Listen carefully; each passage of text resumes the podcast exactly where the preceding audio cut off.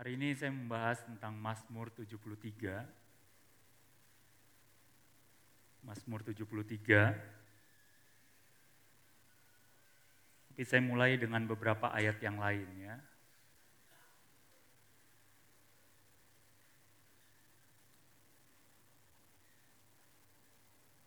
Saya percaya banyak dari saudara sudah tahu ini, amanat agung. Matius 28 ayat 18 sampai 20. Ini buat kita semua tanpa terkecuali. Ya, tanpa terkecuali amanat agung ini untuk kita semua. Saya bacakan ya. Matius 28 ayat 18, Yesus mendekati mereka dan berkata, "Kepadaku telah diberikan segala kuasa di surga dan di bumi.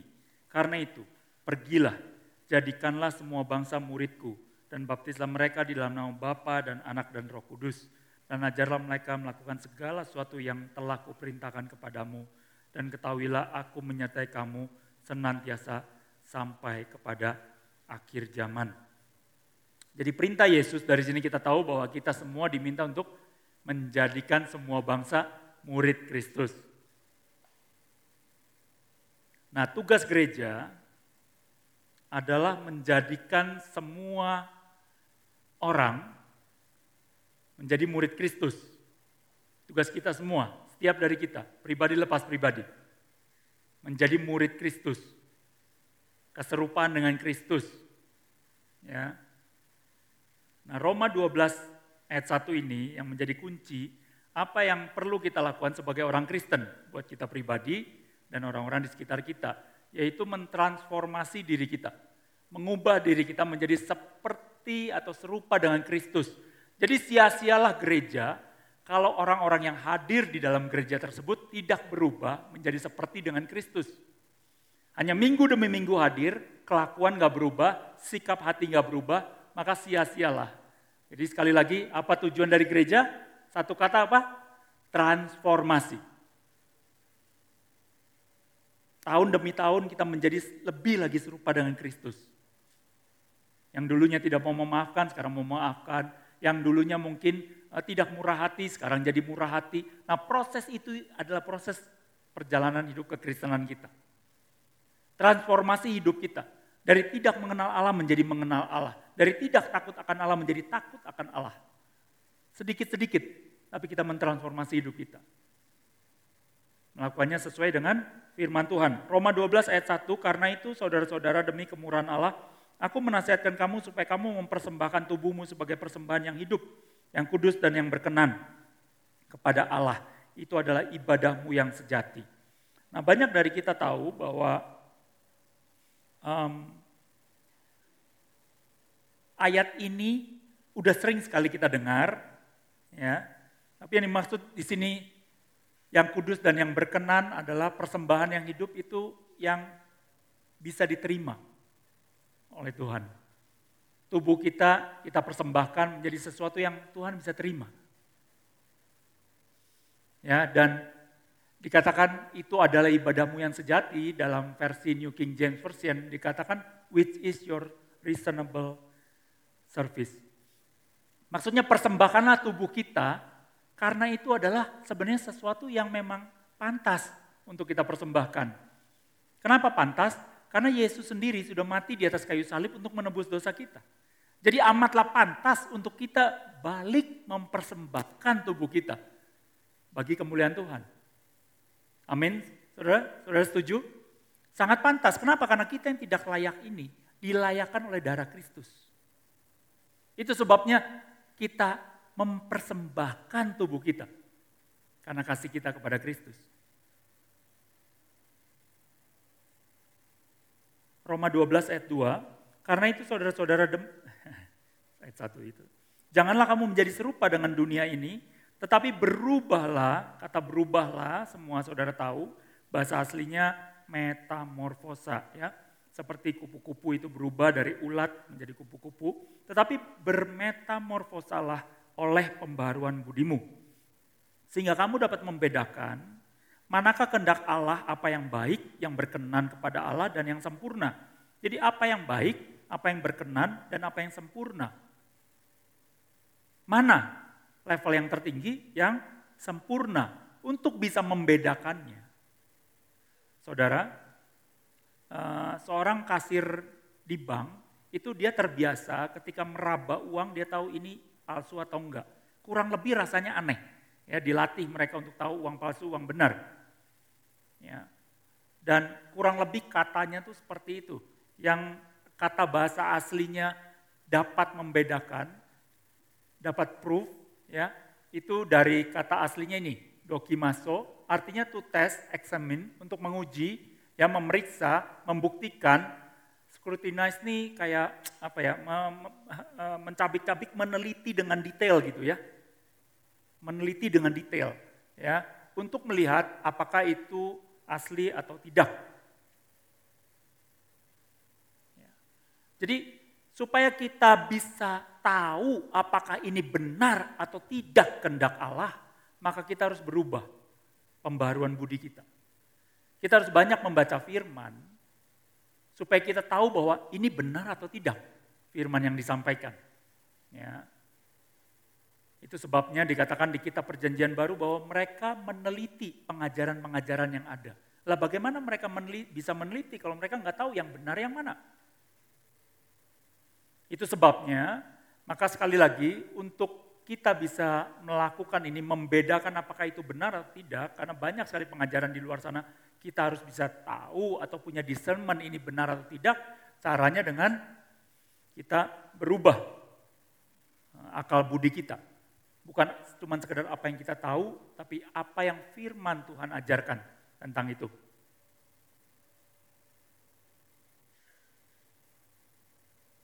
Bicara mengenai pembaharuan budi, ketika akal pikiran kita diubah, maka hati kita juga berubah.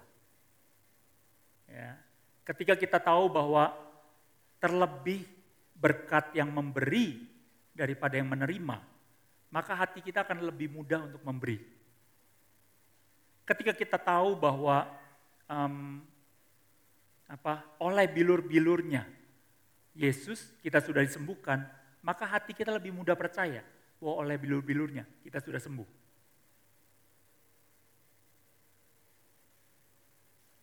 Bicara mengenai hati, firman Tuhan berkata bahwa jagalah hatimu dengan segala kewaspadaan, karena dari situlah terpancar apa? Terpancar apa? Kehidupan. Milikilah hati yang pahit, maka hidupmu akan menjadi, nah, saudara yang bilang ya, bukan saya, miliki, milikilah hati yang murni, maka kehidupanmu akan memancarkan sesuatu yang murni. Tapi sebaliknya, ya, dalam terjemahan New Living Translation dikatakan demikian, guard your heart above all else. Di atas segalanya jagalah hatimu, jaga, jagai. Ya, kasarnya jangan sampai kayak seseorang menjaga harta bendanya, jangan nggak boleh ada yang ambil.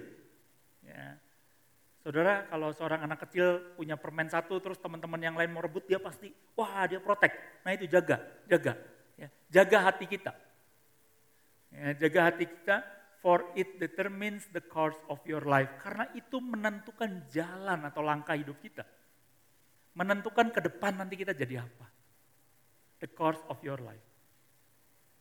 Nah kadang-kadang dalam hidup kita, ketika kita mengalami sesuatu yang tidak baik, ayo kita mengevaluasi sikap hati kita yang salah di mana nih.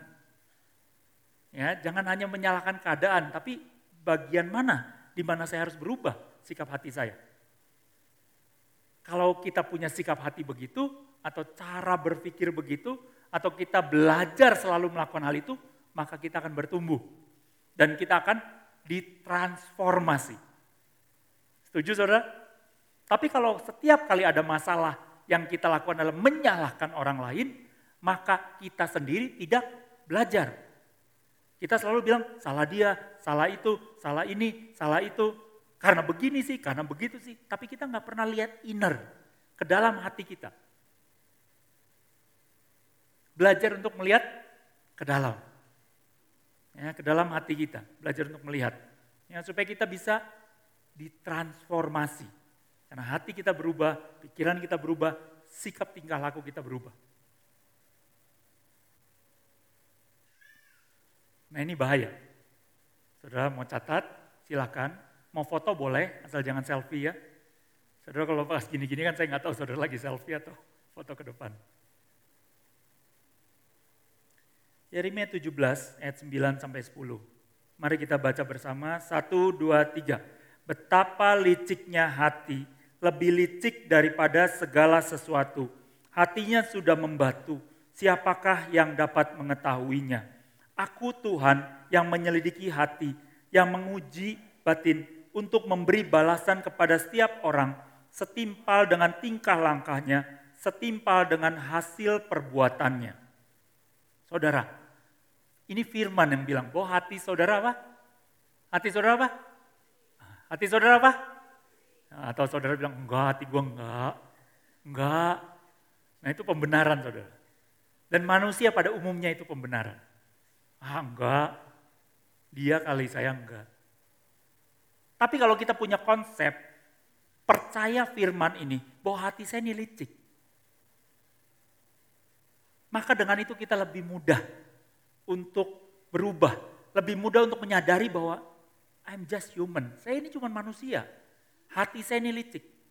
Mau bertingkah laku benar, kadang-kadang malah tingkah laku buruk yang saya lakukan. Oke, jadi hati-hati saudara, sadari dulu ini bahwa hati kita ini belum tentu benar. Ya, next. Amsal 21 ayat 2.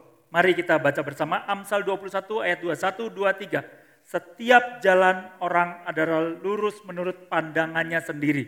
Tetapi Tuhanlah yang menguji hati. Jadi hati saudara itu Tuhan yang uji. Saudara pikir jalan saudara benar, tingkah laku saudara benar, Tuhan yang menguji. Kenapa? Karena kecenderungan kita membenarkan jalan kita sendiri. Contoh, suami istri yang konflik, misalnya ribut gitu. Masing-masing punya argumen. Ini yang benar. Yang satu bilang, ini yang benar. Kenapa? Karena firman ini. Jalan orang itu lurus menurut bukan pandangan orang. Tapi pandangannya sendiri. Sehat nggak kalau kita hidup begini? Sehat nggak? Kata saya mah, kata saya mah, kata saya mah. Ya kata kamu. Belum tentu kata Tuhan, belum tentu kata orang-orang di sebelah kamu. Amsal 12 ayat 55. Jalan orang bodoh lurus dalam anggapannya sendiri. Tetapi siapa mendengarkan apa? nasihat. Ya, dibilang apa?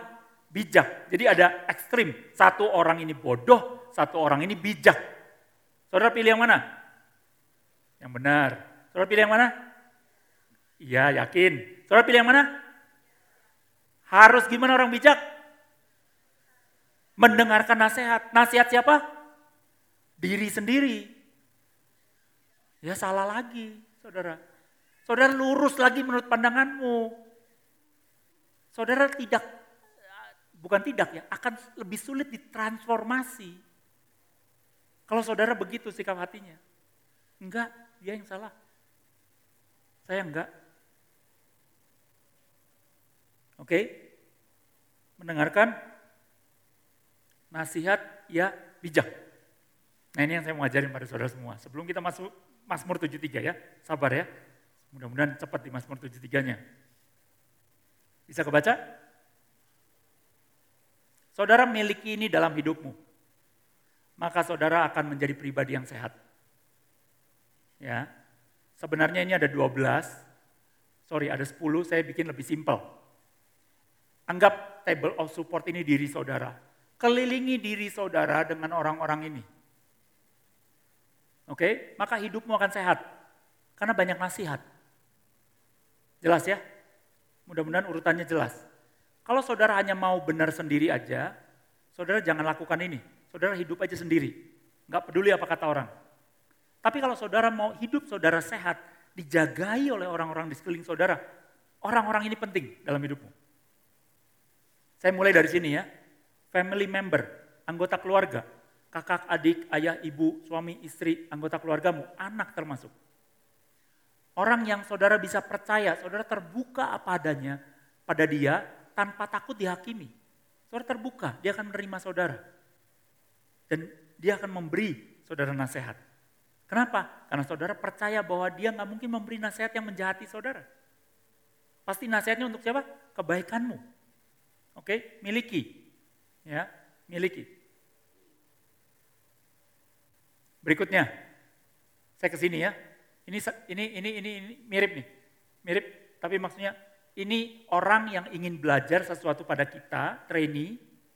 Ini kita mengajarkan sesuatu pada orang lain. Oke, ini sifatnya ilmu. Contoh, misalnya Oni mau belajar naik sepeda sama saya. Berarti saya menjadi coachnya Oni. Kenapa? Karena ilmu naik sepeda. Misalnya, Ati mau belajar matematika sama Oni. Berarti Ati jadi trainee. Kalau ini table of supportnya Oni, misalnya saya tulis di sini Oni, berarti Ati di mana posisinya? Trainee atau coach? Trainee. Jadi di sini ditulis, ini table of supportnya Oni, di sini tulis Ati. Lagi belajar apa? Matematika. Di sini ditulis Kojul. Lagi belajar apa Oni sama saya? Sepeda. Jadi saya menjadi coachnya Oni, Ati menjadi trainingnya Oni. You can only share what you have. Ya, kita hanya bisa membagikan sesuatu yang kita bisa atau kita miliki. Maka dari itu saudara harus belajar terus dalam hidupmu. Kenapa? Supaya saudara ada orang yang datang pada saudara dan bilang, saya mau belajar tentang ini dong sama kamu. Misalnya, saudara jago banget masak. Maka akan ada orang datang ke saudara dan bilang, saya mau belajar masak. Jadi saudara punya trainee di sini. Lah bayangin kalau saudara nggak bisa apa-apa. Bahkan saudara bilang, jadi trainee saya yuk. Orang bingung gitu ya. Mau belajar apa ya saya? Nangkep ya poinnya ya? Nah ini membuat saudara lebih sehat hidupnya kalau saudara punya training. Kenapa? Berarti saudara mau belajar, saudara mau fokus pada satu titik atau dua titik. Supaya saudara bisa improve skill saudara. Nangkep ya? Oke? Coach. Coach saudara bisa siapa aja, bisa lebih muda, bisa lebih tua, bebas. Kenapa? Karena saudara bisa jadi udah usia 30, saudara belum bisa naik sepeda. Saudara bisa belajar dari anak usia mungkin 12 tahun belajar naik sepeda. Gimana caranya? Oh gini, om didorong dulu. Udah dipanggil om juga. Ya. Jadi ini tidak ada batasan usia, cuman belajar ilmu. Nah, berikutnya adalah saudara bisa punya mentor atau saudara punya menti. Mentor itu orang di atas saudara, menti itu orang di bawah saudara. Nah, mentor atau menti selisih usianya idealnya 10 tahun. Kenapa? Karena butuh orang yang sudah melalui usia 50 tahun untuk bisa, saudara bayangin, saudara tanya sama, saudara umur 40, saudara tanya, nanti saya usia 50 kurang lebih seperti apa sih? Atau saudara umur 30, saudara tanya pada yang usia 40, eh katanya life begin at 40, bener gak sih? Dan pengalaman itu nggak bisa dibeli dengan waktu.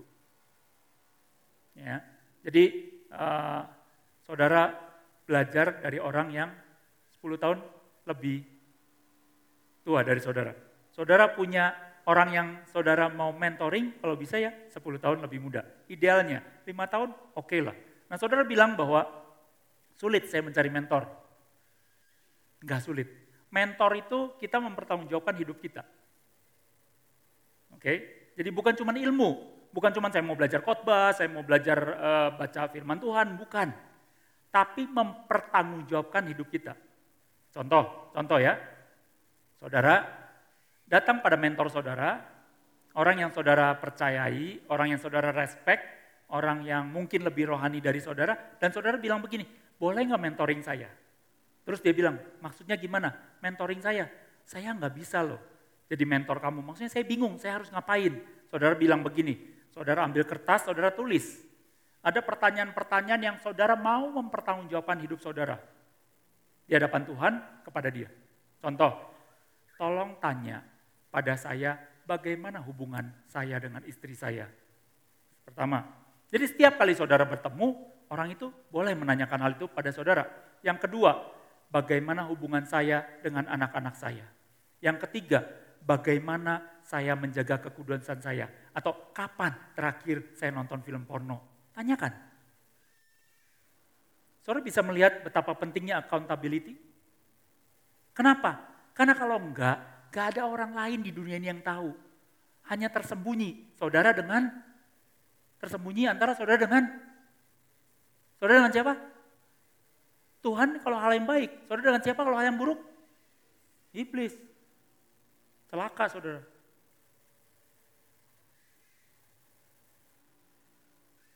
Makanya penting kita harus accountable.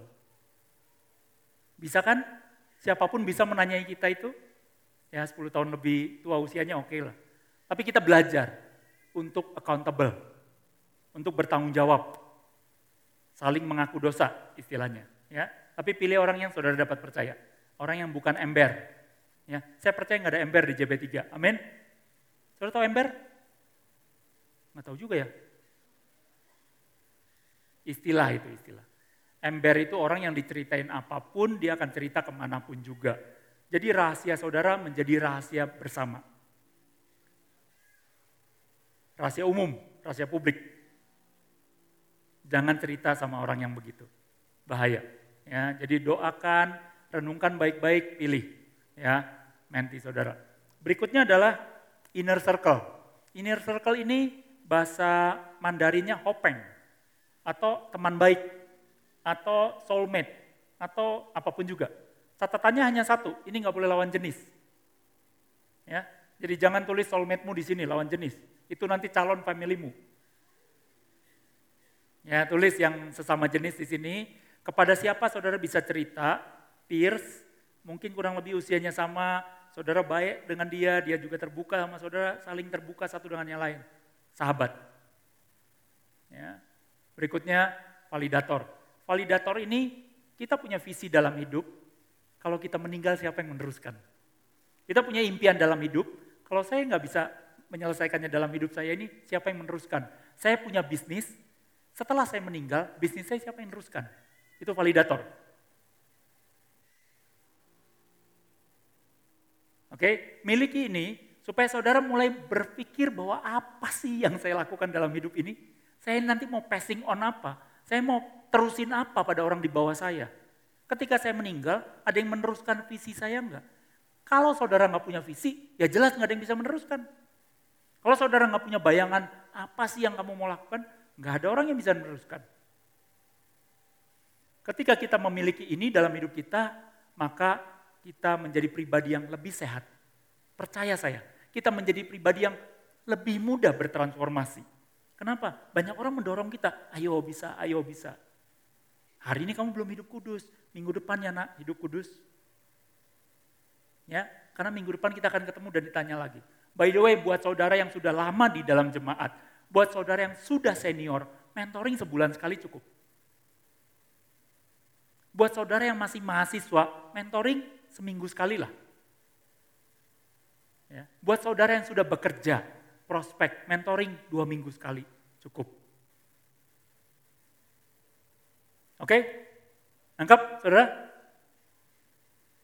Tahun depan kita mau jalankan ya, jadi saudara masing-masing punya table of support dan mulai bercerita pada orang-orang di komsel saudara, ini loh mentor saya, ini loh menti saya, ini ini coach saya, ini trainee saya. Ya, yang paling penting adalah mentor dan menti. Kenapa? Kenapa paling penting mentor? Kenapa paling penting mentor? Karena pertanggung jawab. Kita mempertanggungjawabkan hidup kita. Kenapa penting menti? Kenapa penting menti? Karena itu adalah manat agung. Jadikanlah semua bangsa apa? Muridku. Dan itu tugas bukan saya, tapi tugas semua orang. Amanat agung tugas kita semua bukan? Benar? Benar? Oke? Bisa ya belajar ya? Kalau masih belum punya, jangan paksain sembarangan nulis gitu. Wah pokoknya tulis aja namanya, kacau saudara ya. Itu harus keluar dari hati saudara. Oke. Mudah-mudahan jelas.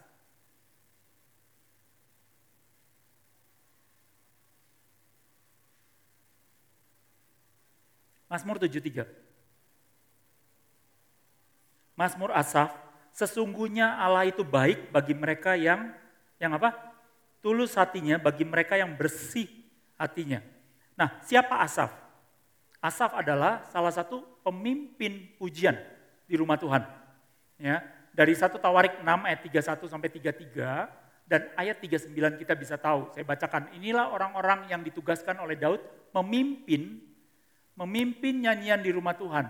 Sejak tabut itu mendapat tempat perhentian. Di hadapan kemah suci yakni kemah pertemuan mereka melayani sebagai penyanyi sampai Salomo mendirikan rumah Tuhan di Yerusalem.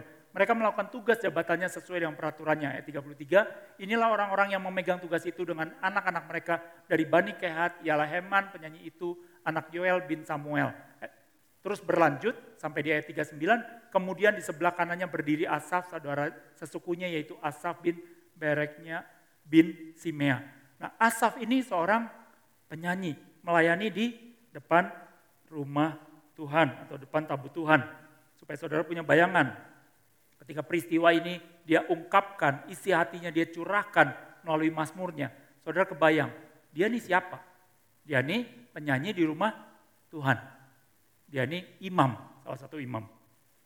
Berikutnya, tetapi aku sedikit lagi, kata Asaf, but me, tetapi aku sedikit lagi, maka kakiku terpleset, nyaris aku tergelincir, kata dia. Sebab aku cemburu kepada pembual-pembual kalau aku melihat melihat apa? Kemujuran orang fasik. Saya nih hampir jatuh. Saya ini hampir kepleset. Kenapa? Karena saya lihat kemujuran orang fasik. Kok orang fasik gitu ya hidupnya? Saya hampir jatuh, dia bilang. Ya. Dikatakan cemburu, bahasa Indonesia. Cemburu itu bahasa Inggrisnya apa? jealous. Jealous itu sebenarnya sesuatu yang kita sudah punya, kita takut kehilangan. Contoh, saudara punya pacar, saudara cemburu. Pacar saudara mungkin lagi ngomong dengan lawan jenis yang lain. Saudara cemburu, saudara punya pacar saudara, saudara takut kehilangan. Nah itu jealous. Tapi di sini dikatakan envy. Envy itu iri. Iri itu saudara nggak punya, tapi saudara pengen. Nah itu iri. Ya, Firman Tuhan bilang, jangan mengingini barang sesamamu. Nah itu envy ini. Ya. Jadi dia bilang, saya iri pada pembual-pembual itu. Saya nggak punya apa yang mereka punya. Nah apa yang mereka punya? Sebab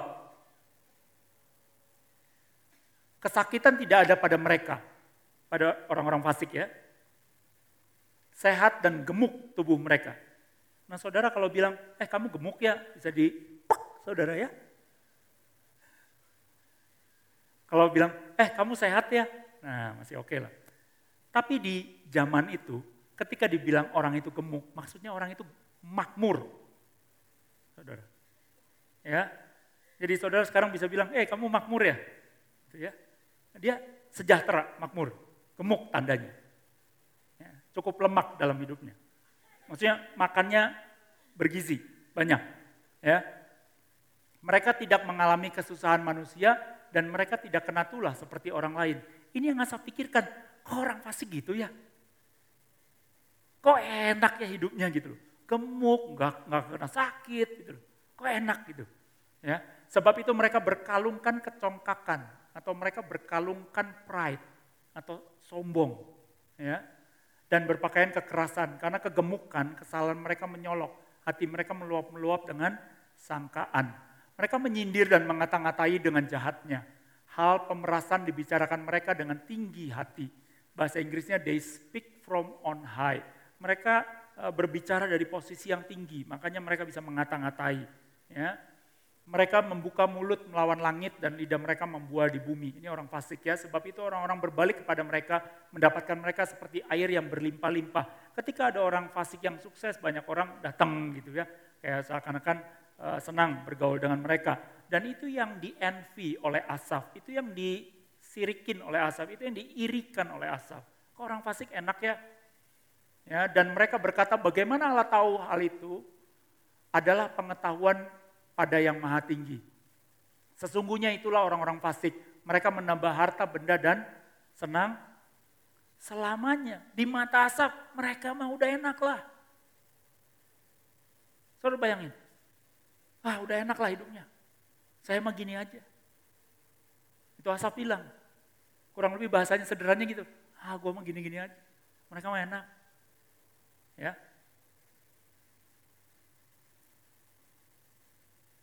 Nah ini ciri-cirinya orang fasik ya, tadi ringkasannya ya. Mereka makmur, gemuk, sehat, ya prosper ayat 4, 5, dan 12 dari Mazmur 73. Mereka sombong atau arogan, pride, berkalungkan apa? Kecongkakan. Ya. Nah saudara, by the way, ngomong-ngomong, saudara tahu nggak kalau saudara orang yang sombong? Gimana caranya saudara bisa tahu bahwa saudara adalah orang yang sombong atau pride itu ada dalam hidupmu? Gimana caranya? Butuh siapa? Butuh diri saudara sendiri? Aduh, gua nih orang yang sombong. Atau butuh siapa? Table of supportmu. Ya, butuh table of supportmu. Supaya saudara nggak jadi orang fasik.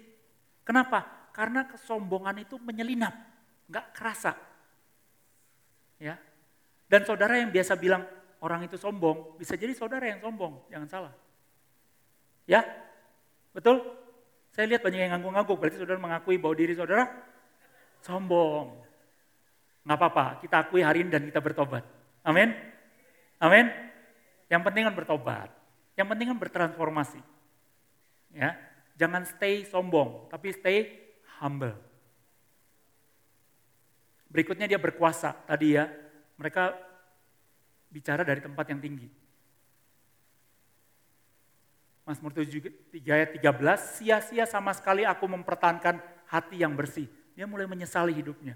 Ah, percuma lah, hati saya bersih. ya Dan membasuh tanganku tanda tak bersalah. Zaman, zaman itu, saudara kalau saudara mau bilang, saya nggak berdosa, saya nggak bersalah, saudara cuci tangan. Ingat si Pontius Pilatus, dia waktu suruh menghakimi Yesus dia apa? Cuci tangan, dia bilang darahnya jangan tanggungkan padaku. Ini bukan putusan saya, dia cuci tangan, membasuh tangan. Ya. Namun sepanjang hari aku kena tulah dan kena hukum setiap pagi. Kadang-kadang hidup kekristenan itu ya begitu. Kadang rasa nggak enak, kadang mungkin Tuhan izinkan hal-hal buruk menimpa hidup kita ya. Tapi kok itu yang malah jahat sama saya kok malah nggak apa-apa gitu. Itu malah hidupnya prosper, hidupnya makmur, ya. Nah ini, ini Asaf merasakan begitu. Seandainya aku berkata, aku mau berkata-kata seperti itu, maka sesungguhnya aku telah berkhianat kepada angkatan anak-anakmu. Nah saudara nggak bisa memahami ayat ini, kecuali saudara tahu siapa Asaf. Bayangin, Asaf berpikir bahwa sia-sia sama sekali aku mempertahankan hati yang bersih. Dia bilang, saya nggak bisa ngomong itu. Karena saya imam.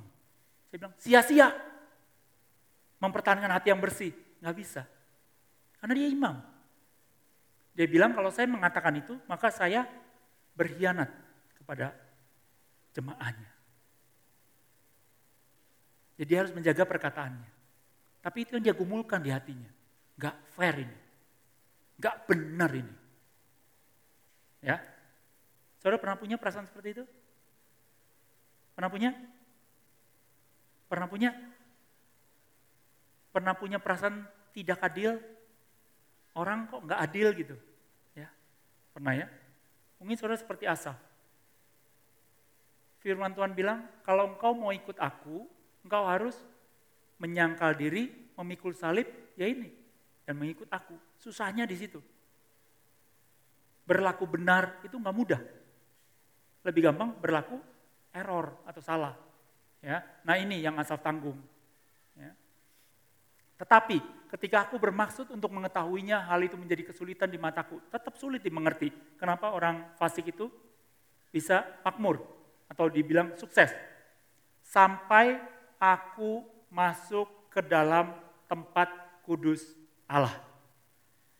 Dia lagi kesel, dia lagi bilang hidup ini nggak fair, dia masuk ke dalam apa? Tempat kudus Allah. Itu kuncinya saudara. When life is not fair, masuk, get into his presence. Masuk dalam hadirat Tuhan. Maka Tuhan akan reveal semuanya. Dia bilang apa? Dan memperhatikan kesudahan mereka. Asaf jadi tahu, oh ini loh nanti ujungnya hidup mereka. Iya mereka hidup di bumi ini enak. Nanti ujungnya di kekekalan bagaimana? Dibilang apa? Sesungguhnya di tempat-tempat licin kau taruh mereka. Kau jatuhkan mereka sehingga hancur. Betapa binasa mereka dalam sekejap mata lenyap habis oleh karena kedahsyatan. Saudara, kita ini traveler. Kita ini hanya pengembara. Di dunia ini kita pengembara. Jadi jangan buat hidup kita di dunia ini nyaman amat. Sampai kita nggak mau meninggalkan dunia ini. Karena dunia kita adalah, atau kewarganegaraan, kita kewarganegaraan apa? Surga. Bukan kewarganegaraan di dunia. Jadi Saudara pernah ke hotel? Ada yang pernah nginep di hotel? Pertanyaannya saya balik, ada yang pernah tidak ada yang tidak pernah nginep di hotel? Berarti saudara semua pernah nginep di hotel. Apakah saudara ketika di hotel, saudara masuk ke kamar hotelnya dan saudara lihat, hmm, kayaknya ini kurang figura. Jadi saudara pergi keluar hotel, saudara beli figura, kayaknya lebih nice di sini. Atau saudara bilang, e, kayaknya kursinya kurang nyaman, kurang empuk. Saya jual, saya beli lagi yang lebih empuk. Kasurnya kurang lebar, saya beli lagi yang lebih lebar. Pernah di hotel saudara? Kenapa? Karena saudara selamanya di kamar hotel itu? Tidak. Saudara hanya sementara waktu. Bisa nangkep? Maksudnya apa? Kita di bumi ini sementara waktu. Kita di surga itu kekekalan. Maka nabungnya di surga jangan di bumi. Salah saudara. Amin. Jadi jangan akunmu besar di bumi, miskin di surga. Kebalik. Nanti kamar hotelnya bagus amat. Rumahmu yang nanti di sana sempit amat. Kenapa? Ya karena saudara investnya di sini. Anggap? Jadi mau investasi di mana? Caranya gimana? Tanya mentormu. Kalau mentormu nggak tahu, tanya lagi mentornya. Gimana caranya saya investasi di surga? Ya, yang pasti di surga saudara datang, saudara nggak ditanya, emasmu berapa kilo? Enggak. Kenapa? Lah lantai di surganya aja udah emas. Kamu mau bawa emas di situ buat apa? Bener nggak? Permatamu berapa karat? Lah itu temboknya dari batu permata yang besar-besar. Yang akan ditanya apa? Berapa jiwa yang kamu bawa dalam Tuhan? Tapi kenapa sih yang kita kejar itu itu? Kenapa yang kita kejar account di bumi, harta di bumi?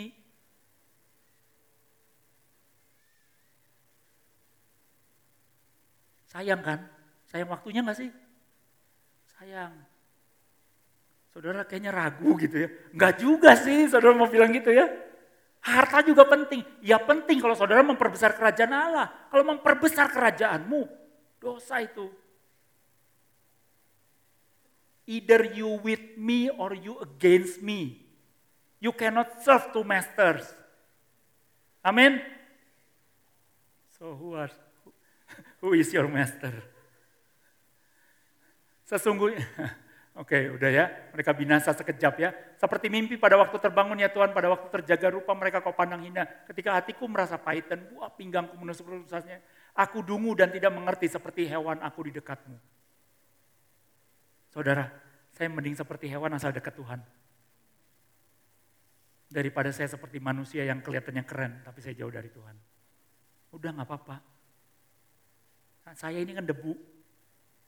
Ya saya mending dekat Tuhan lah pencipta saya. Seberapapun sulitnya kondisi saudara, dekatlah pada Tuhan. Jangan malah menjauh. Ya, Asaf bilang, aku nih sakit loh melihat orang-orang itu. Aku nih gak terima loh lihat orang-orang itu. Aku nih kadang buah pinggangku nih sakit, menusuk-nusuk, tapi aku dekat ah pada Tuhan. Ya, tetapi aku tetap di dekatmu, engkau memegang apa? Engkau memegang tangan kananku. Helmi bantu maju. Sini, naik. Saya sengaja pilih Helmi karena dia lebih keren dari saya ya. Nah. Tangan apa? Kanan. Anggap ini Tuhan, ini Helmi. memegang tangan kanan itu begini. Bukan gini ya. Tuhan memegang jari tanganku. Bukan. Tuhan memegang telapak tanganku. Bukan. Tuhan memegang tanganku. Aman nggak saudara? Aman. Kenapa? Ininya Tuhan. Kalau Jul mungkin gak aman. Dia jatuh ke jurang saya bisa, uh gak ketahan gitu. Kalau Tuhan yang beginiin saudara, aman gak saudara? Mau berapapun hancurnya hidupmu, tetap aman gak? Aman. Kenapa? Karena ada dalam genggaman tangan Tuhan. Aman saudara. Gak peduli apa pun yang terjadi dalam hidupmu. Ingat bahwa saudara digenggam tangannya oleh Tuhan. Dan cara genggamnya gini. Jelas ya? Thank you. Engkau memegang tangan kananku. Aman, saudara. Jamin, aman. Mau ada uang di rekeningmu, mau nggak ada uang di rekeningmu. Aman.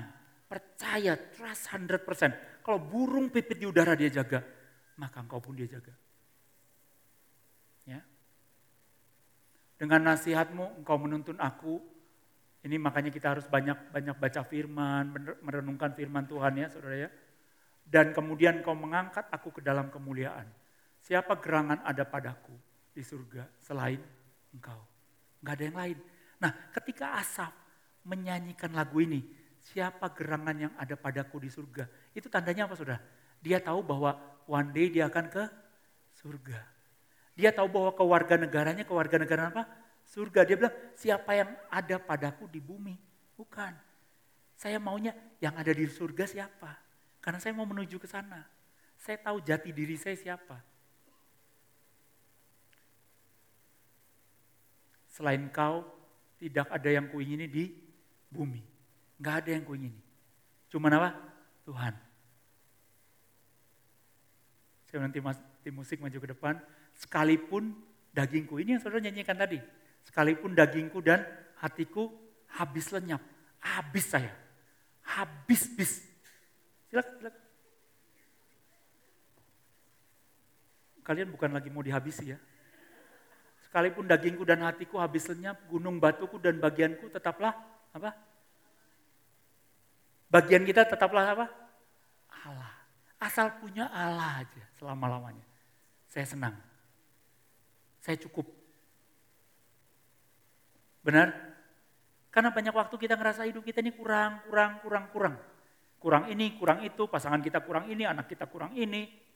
Kurang, kurang, kurang. Tapi bagian kita adalah Allah sampai selama-lamanya. Sebab sesungguhnya siapa yang jauh daripadamu akan akan apa? Akan binasa. Kau binasakan semua orang yang berzina dengan meninggalkan kau. Kata yang dipakai ekstrim, berzina. Kenapa? Tidak setia. Meninggalkan Tuhan. Binasa. Jadilah murid Kristus, transformasilah, dekatlah pada Tuhan. Saudara-saudara nggak binasa.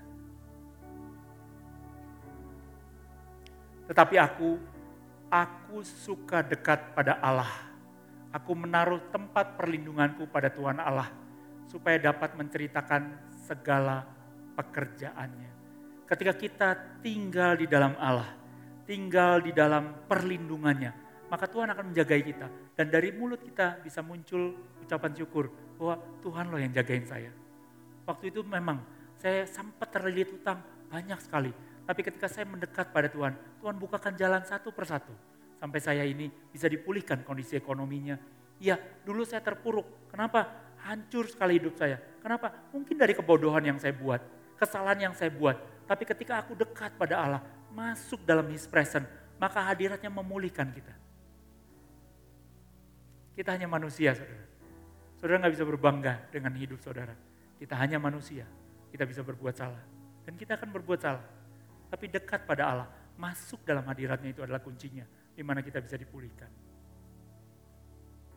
Amin, saudara. Mari uh, Asyir sekalian dibagikan. Silakan tim musik menyanyikan lagu sambil Asyir membagikan uh, perjamuan kudus, kita akan mengambil perjamuan kudus.